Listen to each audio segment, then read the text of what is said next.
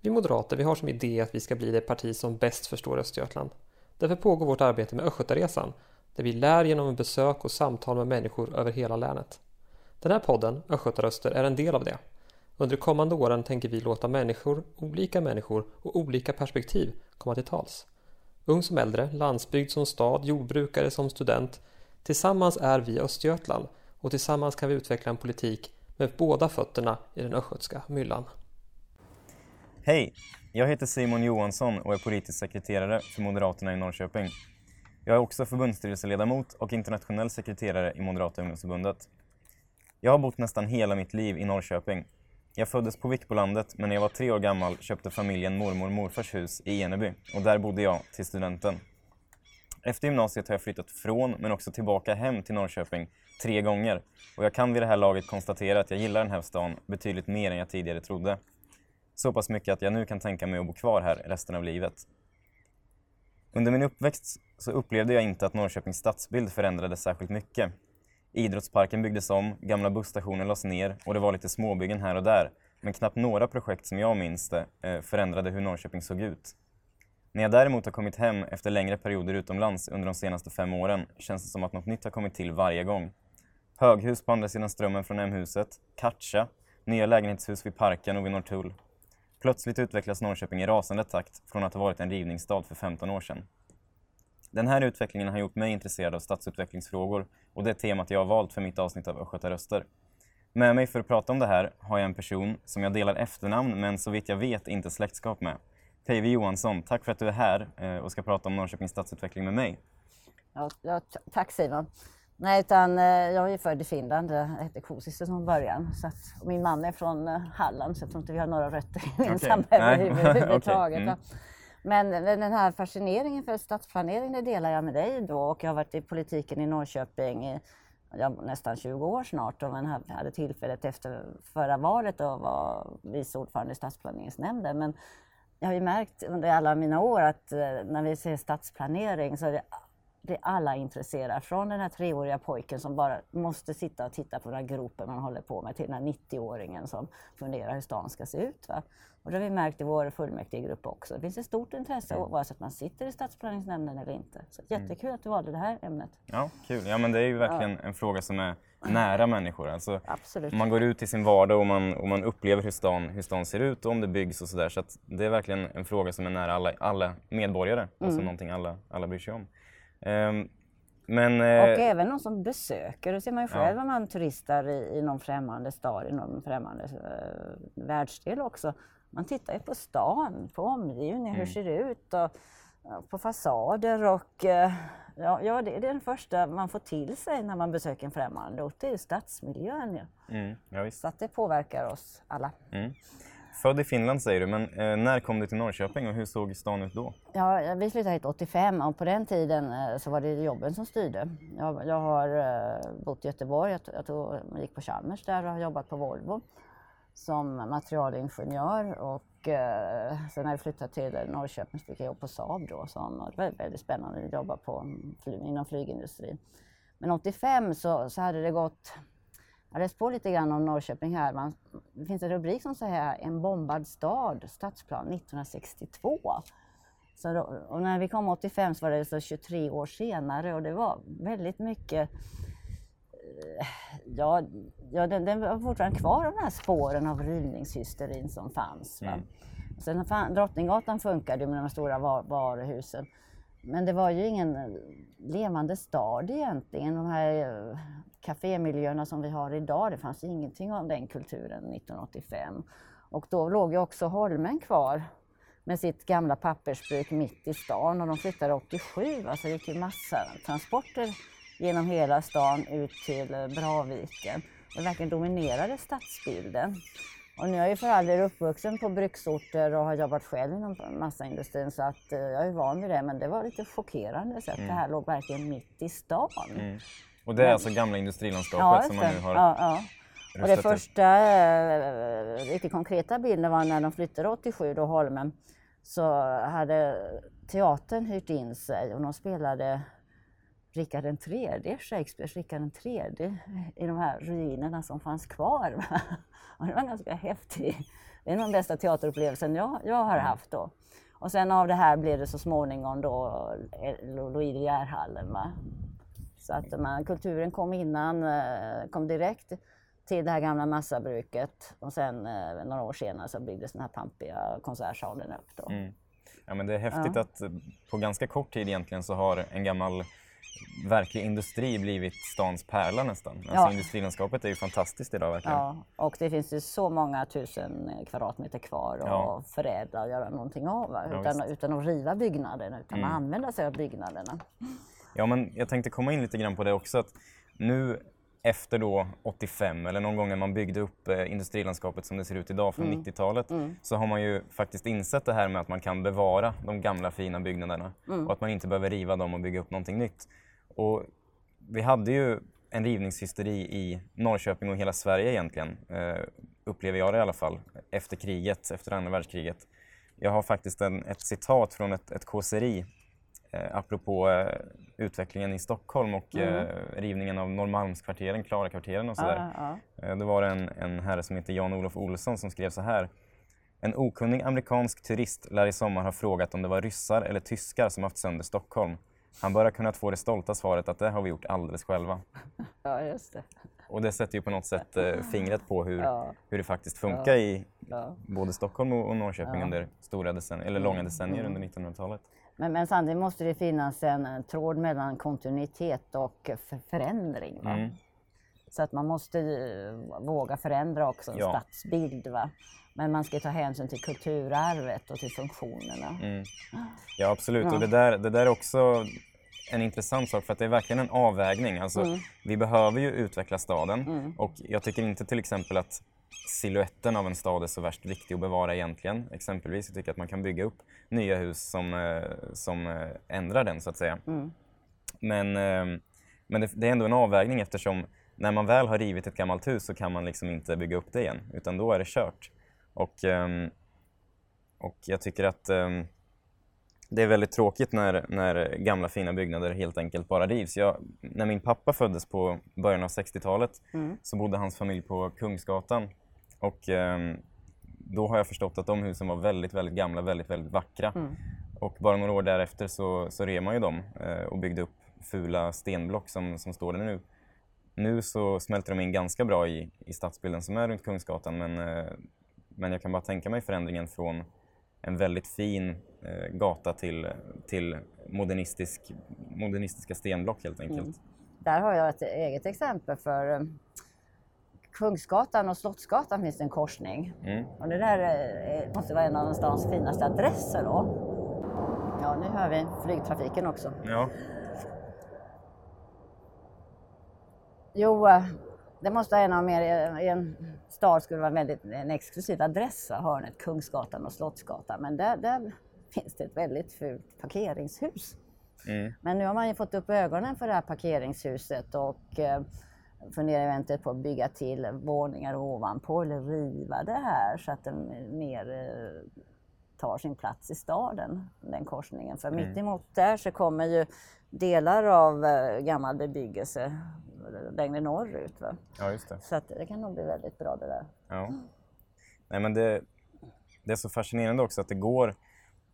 Man glömde, man glömde liksom bort det ett tag, men det går att bevara den gamla miljön och bygga nytt runt omkring. Och det går också att utnyttja den befintliga miljön som, som finns och bygga runt den. Ja. Men jag vet till exempel att i, i Gdansk efter kriget så var ju 90% av stan sönderbombad. Men man valde då att bygga upp den i gammal stil. Och det går ju att göra och det har vi liksom kommit på lite mer i Sverige nu än vad vi kanske trodde tidigare. Och, och det är väldigt glädjande. Men, men alldeles för länge så, så trodde vi, eller tänkte vi väl att nej, men bort med det gamla och in med någonting nytt och tyvärr fult. Stadsbiblioteket är väl en annan, eh, ett annat exempel på en byggnad i Norrköping som är väldigt hatad. Ja, den är brutal, men, Ja. men eh, det är också en egen historia för att eh, en gång så kom jag körande längs promenaden och var kvällsljus. Och då framträdde alltså det här fula betongskapelsen som något väldigt vackert just i det ljuset. Va? Mm. Jo, det, men där låg ju enligt eh, de gamla Norrköpingsborna så låg ju eh, Norrköpings absolut vackraste byggnad där. Det var en privatägd villa va, som var tydligen otroligt vacker och, men den, den skulle rivas. Och det var tydligen väldigt strid i, i det fullmäktige när man tog det här beslutet. Va? Moderaterna var emot eller Högerpartiet kanske vi hette på den tiden. Mm. Ja, det är så påfallande för att väldigt ofta när jag träffar människor som inte är från Norrköping och som har varit i Norrköping kanske två, tre gånger i, i sina liv så eh, nämner de väldigt ofta stadsbiblioteket och hur ful den byggnaden är. Ja, ja, och ja. menar liksom att det är typ Sveriges fulaste byggnad. Och så har vi alltså haft stans vackraste byggnad Mm. på samma plats strax, det, det, strax innan. Det är ju tråkigt att höra måste jag säga. Ja. Nej, men jag, jag, var också i, jag var i Makedonien i helgen. Mm. Och det var också intressant för att där har man byggt väldigt mycket infrastruktur på väldigt eh, kort tid. De senaste ungefär 5-10 års, 5-10 åren. Ja. Och ehm, då har man valt att använda eh, gammal stil och integrera det i, ett modernt, eh, i en modern tappning så att säga. Så dels har man byggt upp några hus som ser ut som att de skulle kunna vara flera hundra år gamla. Mm. Men, eh, men som är byggda för bara 7-8 år sedan. Eh, och enda sättet att man ser det är för att fasaden är lite för putsad för att kunna vara ett par hundra år gammal. Ja. Men då valde man att, att bygga nya fina häftiga glasbyggnader men också att integrera liksom, och ha marmorpelare på de här husen. Ja, ja. Så att man använder liksom det gamla men man bygger ihop det med, med någonting nytt. Och det är också en intressant, eh, ett intressant sätt att se på stadsutveckling tycker jag som Mm. eh, vi kanske borde fundera lite grann på även i Norrköping. Det här att eh, ta tillvara kulturarvet och sen för moderna byggnader tycker jag också är väldigt fascinerande att man, det, ska kunna åldras vackert och vä- värdigt. Va? Mm. Så att, och då, pratar vi egentligen att man, man bygger eh, sig hållbart, att med litet underhåll så kan det stå väldigt länge, att man inte bara smäcker upp någonting som har väldigt kort livslängd. Men, eh, och det är ju något för alla byggare och stadsplanerare att ta vara på de där värdena helt enkelt. Mm. Visst. Men vi måste bygga nytt också. Absolut. Var ska vi göra det någonstans? Mm. Ja, eh, nu bygger vi ju på Nya torget. Mm. Alltså vi bygger igen ytor i stan och eh, det vet jag inte om jag tycker är en särskilt god idé egentligen. Att, eh, alltså staden är ju i, visserligen inte igenväxt men en del av charmen med Norrköping tycker jag att det är att det finns ganska stora ytor, öppna ytor eh, och ganska många sådana. Och eh, när de väl är igenbyggda så kommer de, kommer de ju vara det framöver. Men vi har ju annan stadsnära mark egentligen som man skulle kunna... Jag tycker att vi ska expandera mer på bredden än på liksom höjden så att säga. Ja, ja. Egentligen. Och om vi ska expandera på höjden så tycker jag att man ska bygga liksom på befintlig, redan bebyggd mark och inte på bygga igen torg och så vidare. Mm. Det tycker jag är betydligt bättre. Och sen måste vi värna vattenstråken ju, Ja, och inte visst. bygga igen den där. Absolut. Inre hamnen tycker jag är ett väldigt bra Ja. projekt. Ja. Och även Butängen. Ja. Men där i inre hamnen, om man tittar på andra områden, så var i Västerås för några år sedan och uh, pratade med folk som har, där man har också byggt i en sån här hamnmiljö. Och alla saknade ju något, att det inte fanns någon hamnkaraktär kvar. Va? Mm, mm. Och, och det tycker jag man ändå har tagit tillvara på om man ser de planer som finns idag för inre hamnen. Att man, man, det, det som är värt att be- bevara verkligen finns kvar. Va? Man Mm. ser att det här varit en aktiv hamn. Och man ska ta fram en docka och som kuriosa kan man ju berätta att eh, Sveriges första tankfartyg byggdes av Nobelbröderna i Norrköping. Som vi, Norrköping har haft en stor varvsindustri Mm. För hundra år sedan som är helt borta. Men de spåren finns ju kvar. Va? Mm. Så att eh, man måste, ju- det, får inte se ut som Västra hamnen i, i, i Malmö, alla de, för det ser ju nästan ut så överallt. Utan det måste finnas någonting kvar av Norrköping också Mm. Ja. i inre hamnen. Va? Absolut. Och där har vi en eh, stor fördel för vi har ju Norra promenaden som fortsätter. Och sen kommer man ju plocka fram den här Johannesborg, en av Gustav Vasas söners borgar då. Som, det finns inte så mycket kvar där men det finns en vallgrav att ta fram och lite rester i alla fall. Va? Så att eh, nu säger eh, stadsplanerarna att eh, där har vi väldigt, man har ju två frontsidor då för husen där. Antingen Motala ström eller så har man ju promenaden och Johannesborg. Va? Så det är plus plusvärden överallt på Mm. den. Så det kan bli en, det blir en jättefin stadsdel. Ja. ja, men jag tycker det är så bra att man har hittat de här ytorna som är stadsnära Ja. Mm. men som inte är bebyggda av bostäder och egentligen eh, mänsklig verksamhet. Alltså det är industrier och det är gamla, gamla eh, lagerlokaler på Butängen och, Ja. och så vidare. Så det är väldigt bra att man utnyttjar det som faktiskt är stadsnära men som Mm. inte är bebyggt eh, så som det skulle kunna vara. För att lagerlokaler kan man ju flytta ut istället. De Ja. behöver inte ligga mitt, mitt i stan. Men, fast det finns ju några, några gam, något gammalt lager som eh, stadsantikvarien vill behålla i alla fall. För det har man tydligen gjort i någon, någon stad i, eh, har det som ett utekafé ju. Mm. Man ser att det är alltså över 100 år gammal träbyggnad som står kvar. Va?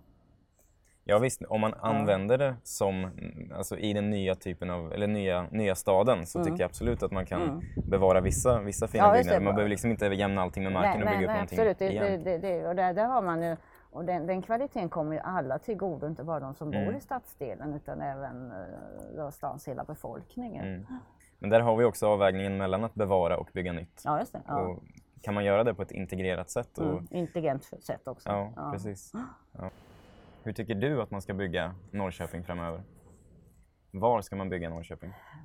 Ja, för det första tycker jag man ska behålla eh, mycket av vattenstråken och, och även grönstråk. Och det, det är inget ont- kontroversiellt idag. Va? Men, men det är inte så lätt sen för eh, så bygg och miljönämnden när någon vill bygga. man, man ser stan ex- alltså man måste säga ja till en del. Man kan inte säga nej, nej, nej, nu behåller vi det här utan det måste byggas. Utan eh, det är ju helt nya stadsdelar som ska komma fram förstås. Och där har vi ju området bakom Vrinnevi sjukhuset. Det ligger väldigt stadsnära. Och där håller man ju på och bygger nu. nu. Men det kommer ta 20-30 år. Det blir en blandad bebyggelse av hyreshus och av eh, villor. Och det är ju förnämligt cykelavstånd till stan. Det kan vara 3-4 kilometer bara. Och sen prat, pratar man om att dra fram en, en spårvagn också till Vrinnevi sjukhuset då. Och sen är det ju det här Ostlänksprojektet då med Butängen. Och där ligger ju ett stort, gammalt industriområde med väldigt vackra hus. Det är ju Noss industriområde som nu stan har köpt, eller hyrt, stans, ena av, något av bolagen. Men där kommer ju infarten till tunneln att gå, så där, där kan man, måste man nog rida ganska mycket. Men just att behålla, om det finns någon chans att behålla något av de här husen så kommer det ge karaktär åt Butängen också. Ju. Men det finns många platser som är stadsnära som inte är bebyggda eller som skulle kunna bebyggas Mm. betydligt mer. Alltså om man tittar på våra spårvagns eh, Ja. så bor jag eh, fyra minuter från Vida Blix hållplats. Mm, Och det är ju nästan så långt ut eh, som man kommer som ändå är innanför stan så att Mm. säga med bebyggelse med villor. Och, eh, och det tar liksom tio minuter Mm. att åka in till resecentrum därifrån. Så att det finns ju verkligen stadsnära platser där man skulle kunna bygga betydligt mer. Mm. Och eh, det, det känns som att vi, vi har hittat den utvecklingen av staden, att vi börjar kika på, på helt nya eh, stadsdelar och det är väldigt bra.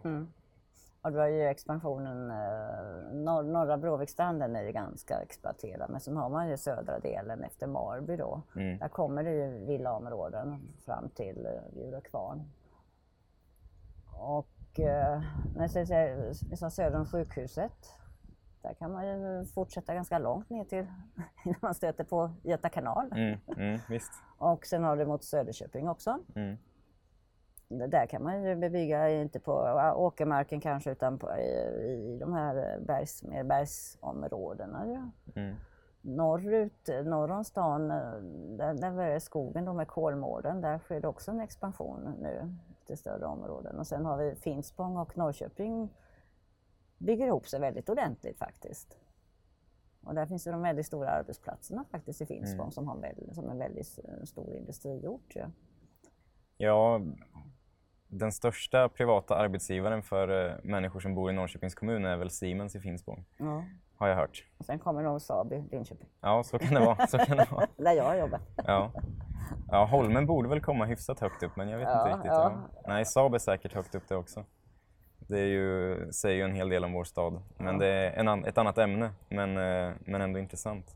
Nej, men vi har ju mycket, mycket massaindustri i det. Så det är ju Mm. en uh, pappersbruksstad. Va? Du har ju Holmen, du har Fiskeby och sen har du Skärblacka bruk Mm. med mycket konsultverksamhet. Och ja, Skärblacka kan ju expandera också. Mm. Ja, visst. Ja. Ja, men det är väl Svartinge som har, eh, nu när de har byggt om vägen där, som eh, gör att de kan bygga, bygger ännu mer där. Massa villor uppe Ja, just det. Sen snabbussar mellan Finspång och Norrköping. Mm. Kollektivtrafiken där är relativt bra. Va? Och det är ju Mm. fantastisk utsikt på, i bergen då mot, mot, ner mot Glan blir det. Ja, precis. Nej, men det är ju inga avstånd egentligen. Ja. Det är ju inga problem att pendla dit bort. Nej, men det är sant. Vi har ju ändå tre ganska stora pappersbruk. Hade de varit ett så hade väl de varit Norrköpings största arbetsgiv- privata Ja, arbetsgivare just det. Ja, förmodligen. ja, Men, eh, verkligen. ja. Men på tal om eh, det här med att bevara gammal miljö så fängelset ska man ju, eller vill man ju bygga bostäder i.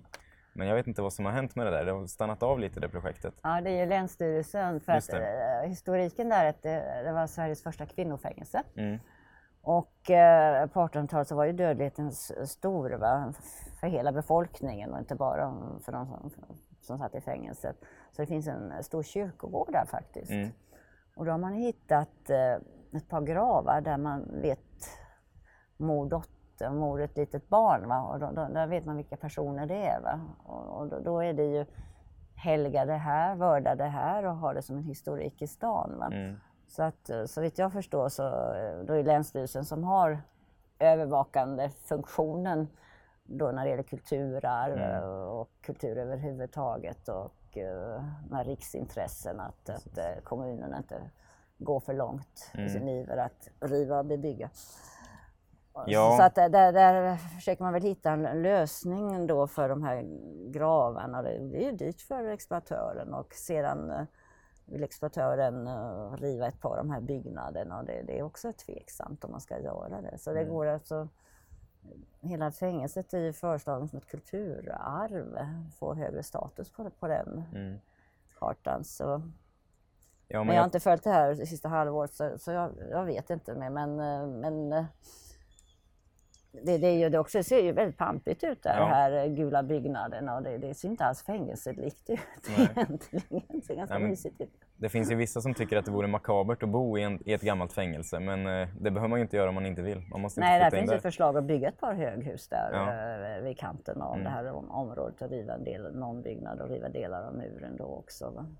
Jag tycker ändå att det är synd om man skulle stoppa ett projekt som faktiskt vill använda den gamla miljön och de fina byggnaderna på ett nytt sätt. Ja, ja, Istället ja. för att det bara ska stå och, och jag vet inte om det är ett museum idag men det är liksom... Det Nej, är, nej, nu står du och väntar, väntar på vilka detaljplaner, för- förslag precis. som går igenom. Va? Så att, nej, nej, jag håller fullständigt med dig att där, där är- finns en, där ska man ju bygga bostäder. Mm. Men det är hur mycket bostäder och hur högt och hur Ja. tätt och sånt där. Det, är ju där striden står. Precis. Ja, Länsstyrelsen är ju lite spännande. Vi sitter ju faktiskt och spelar in det här i Linköping. Och eh, på tal om riksintressen och Länsstyrelsen så är ju Linköpings silhuett från E4 vad jag förstår det, en, en, eh, ett riksintresse tack vare att de har domkyrkan. Mm. Så man inte ska hota eh, domkyrkans plats i, i staden så att säga från, eh, från E4. Och då var det ju ett, ett eh, bostadshus som man ville bygga på 90-talet, Drottningtornet Ja. Som eh, Linköpings kommun ville att NCC skulle få bygga och sådär. Ehm, men eh, Länsstyrelsen tyckte att de inte skulle få göra det för att det skulle hota då drottning, eller ehm, domkyrkans eh, dominerande roll i, i siluetten då. I slätten då? Precis. Det är ett slätt, slättlandskap. Jaha, så att det stod för nära då så att det skymde då? Nå, Ja. Länsstyrelsen tyckte ju det, men Ja. eh, om man, om man nu, nu är ju faktiskt Drottningtornet byggt eh, efter, eh, efter att den här tvisten tog tio år och gick ända upp till Högsta förvaltningsrätten. Mm. Ja. Och de fick eh, kapa av tio våningar och sådär. Men till slut så blev det byggt i alla fall Mm. för att Länsstyrelsen förlorade mot kommunen i Högsta Ja, det, förvaltningsrätten. det, är husen som står eh, nära stationen då? Nej, Nej. det heter bara tornet. Jaha. Drottningtornet ligger vid Drottningbron. Och, ehm, Jaha, men det är ett ganska lågt hus. ja, precis. Ja, dels så fick de ju faktiskt kapa några våningar. det förstår jag. Ja, men, men det ligger ju, jag vet inte hur många kilometer från domkyrkan. Ja, det är en svacka som ligger vid, vid uh, Stångån. ju. Ja, så att det är ja. liksom, det är ett litet torn i, i siluetten. Det finns ju fyra torn som man ser från eh, E4 Ja. i Linköping egentligen. Det är ju det här vanliga tornet då vid resecentrum. Ja. Drottningtornet, Gamla vattentornet och domkyrkan. Och Saab ser du också. Saab, Ja, det- Saab har ju en 12 och det är jättegammalt den hu- huvudbyggnaden. Ja. Ja, det är den vita byggnaden. Ja, den är ju ja, den är ju 10-12 meter Ja, ja. våningar hög. Den syns Ja. ju också. Men Ja, det okej. kanske är jag Mm. som spanar efter den. Ja, nej, jag kommer ihåg... förbi. Ja, precis. Jag kommer ihåg att jag stod uppe högst upp i, i tornet då, inte Drottningtornet Ja, utan tornet, det- ja. Eh, och kika över, över, ehm, över stadsbilden Ja. och såg liksom att det finns tre stycken saker som poppar upp. Liksom. Ja, Resten, ja, är, ja. resten är jättelågt Ja. och, och det finns ingenting som hotar domkyrkans liksom, plats i, i stan. Jag tycker ja. att det, särskilt när kommunen själva vill bygga Tornet ligger långt bort ifrån Mm. domkyrkan och så kommer Länsstyrelsen in och ska hävda att eh, hörrni, det där får ni inte göra, hitta Mm. med fingrarna. Det tycker jag det är lite maktmissbruk av det där Länsstyrelsen Ja, faktiskt. det. Sen har de ju uppdraget så det är inte det, men de borde inte ha det, tycker jag inte. De borde dra tillbaka 55 procent av Sveriges yta täckt av riksintressen. Ja, men, men det är alla möjliga. Som, som vi har ju väldigt många i Norrköping. Där har vi ett industriintresse också. Mm. Så att man verkligen bevarar att det här ska vara för industriell verksamhet. Det är ju Händelö och ja, de här halvöarna där Mm. längs Bråviken.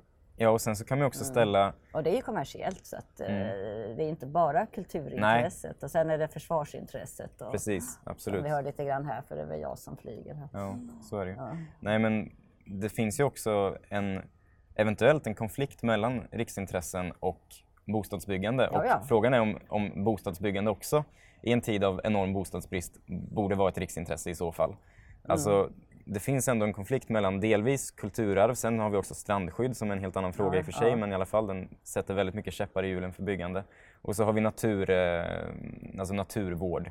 Och Mm. eh, om människor inte har någonstans att bo så är ju det faktiskt eh, kanske värre än att, än att vi eh, exploaterar naturen lite mer. Mm, Så att, Nej, nej, det största stoppet just nu i Norrköping det, det är nog fängelseområdet. Men Mm. eh, resten av detaljplaner och byggen tror jag har gått relativt smidigt faktiskt. Mm. och sen så finns det också en annan aktuell fråga i Norrköping just nu där vi har de här Natura 2000-områdena. Som, Mm. eh, Det finns en läderbagge som, nu kan jag inte detaljerna exakt, Ja, men de kan... den, 170 Ja, meter kan den flyga precis. för att hitta en partner för att para sig. Ja, och den, kan, och, den, och den kan flyga i typ 30 dagar, den är en puppa i mm, några ja, månader. Ja, resten av tiden. Ja, precis. Eh, och den ska man då tydligen bevara eh, Mm. och se till att det finns eh, specifika typer av träd. Ja, eh, det är gamla ekar. Just det. Ja. Just det, som ska vara förruttnade, förmultade. Eh, inom 170 meter för Ja. den här läderbaggen. Ja. Och på sikt, om man inte exploaterar de här områdena som vi pratar om, det är ju Ingelstaområdet ungefär Mm, eh, mm, däromkring, mm. så kan ju det, finns det en beräkning som säger att, att eh, det kan kosta Norrköping på sikt eh, miljard, miljarder Mm, kronor. mm. Liksom. Så att, Men där tror jag man är ganska överens. Ja. Sen finns det väldigt stora ekområden eh, runt andra städer som eh, söder om Linköping till exempel. Ja, just det. Där måste man ha mycket läderbaggar. Mm. Ja, och om läderbaggen finns på andra Mm. platser och faktiskt klarar sig där så kanske vi inte måste ha läderbaggar just i Norrköping. Kanske det vi ska börja undersöka det som argument, Ja, som jo. moteld här. Faktiskt, Var faktiskt. finns läderbaggar mer än i Norrköping? Ja, ja men det, och det är också, alltså det har, det är intressant, alltså man ska inte rucka på, på liksom, eh, den biologiska mångfalden och, Mm. och, och sådär, men det är lite, man kan dra en parallell till stadsbyggnad tycker jag, för att Mm. finns det ett stort antal byggnader på olika platser i Sverige som är liknande den som man vill bevara, Ja. så kanske man inte behöver bevara likadana byggnader på många olika ställen. Mm, Alltså gamla, gamla röda tegelbyggnader till exempel. Det finns väldigt många sådana i, i Sverige. Ja. Och även om varje enskilt är fint, Mm. så om det sätter stopp för en, en eh, stor utveckling Mm. på en viss plats så kanske det inte gör så mycket om, om vi har sådana typer av byggnader på andra platser. Och det, det är ju den här har översikt över hela landet och Mm. egentligen i- över hela Europa för vi har ju EU-regler som Mm. styr det här. Och, och eh, väldigt kraftigt faktiskt när det gäller Natura 2000-områdena. Och, där har vi ett exempel, det är ju skarven till exempel som har ökat väldigt mycket i Östersjön och Mm. sjö, stora, sjö, stora sjöarna finns i Glan också. Och det förstår vi ju inte alls va, att, det, att det är en unik fågel. Men ur EU-perspektiv är det en väldigt unik fågel. Och den skapar Ja. jättestora problem Ja. för eh, människor som bor ute i, eh, vid, eh, i skärgården Ja, och, och sådär. Ja. Men eh, nej, EU säger att vi inte ska få, få jaga Mm, någon skarv. Och samma sak med vargen som skapar massa problem i Sverige. Som de som be- bestämmer det här, alltså jag menar de i Italien som är med och beslutar om det här, de har liksom ingen de har ingenting och, de har ingen varg där nere, så de har liksom inte samma problem. Och de kanske också ska släppa det beslutet till oss som det faktiskt berör. Ja, ja. Nej men det, det är en balans att ta- ta be- besluten eh, så nära och Mm. sen när vi själv som det här baggen, vi kanske ska titta i ett Sverigeperspektiv. Mm. Så måste jag både och va? göra en uh, liten balanserad bedömning. Absolut. Nej men det är ju tur att vi i Norrköping faktiskt har ganska vettiga politiker i just den här frågan över hela det politiska spektrat. Att Natura 2000-områdena, där ser vi faktiskt ut att gå i strid med Länsstyrelsen och inte, Ja, ja, inte tillåta dem att sätta stopp för vår, vår stadsutveckling i all, allt för hög grad för att bevara en läderbagge. Jaha, men vi är överens om kontinuitet och förändring. Ja, precis. Att det ska vara en balans. Eh, ja Både och ska finnas. precis. Om du vill följa hela vårt arbete med Östgötaresan eller bli en del av den, besök östgötaresan.se eller sök efter Östgötaresan eller Moderaterna i Östergötland på Facebook. Vi hörs och hoppas att du får en fin sommar.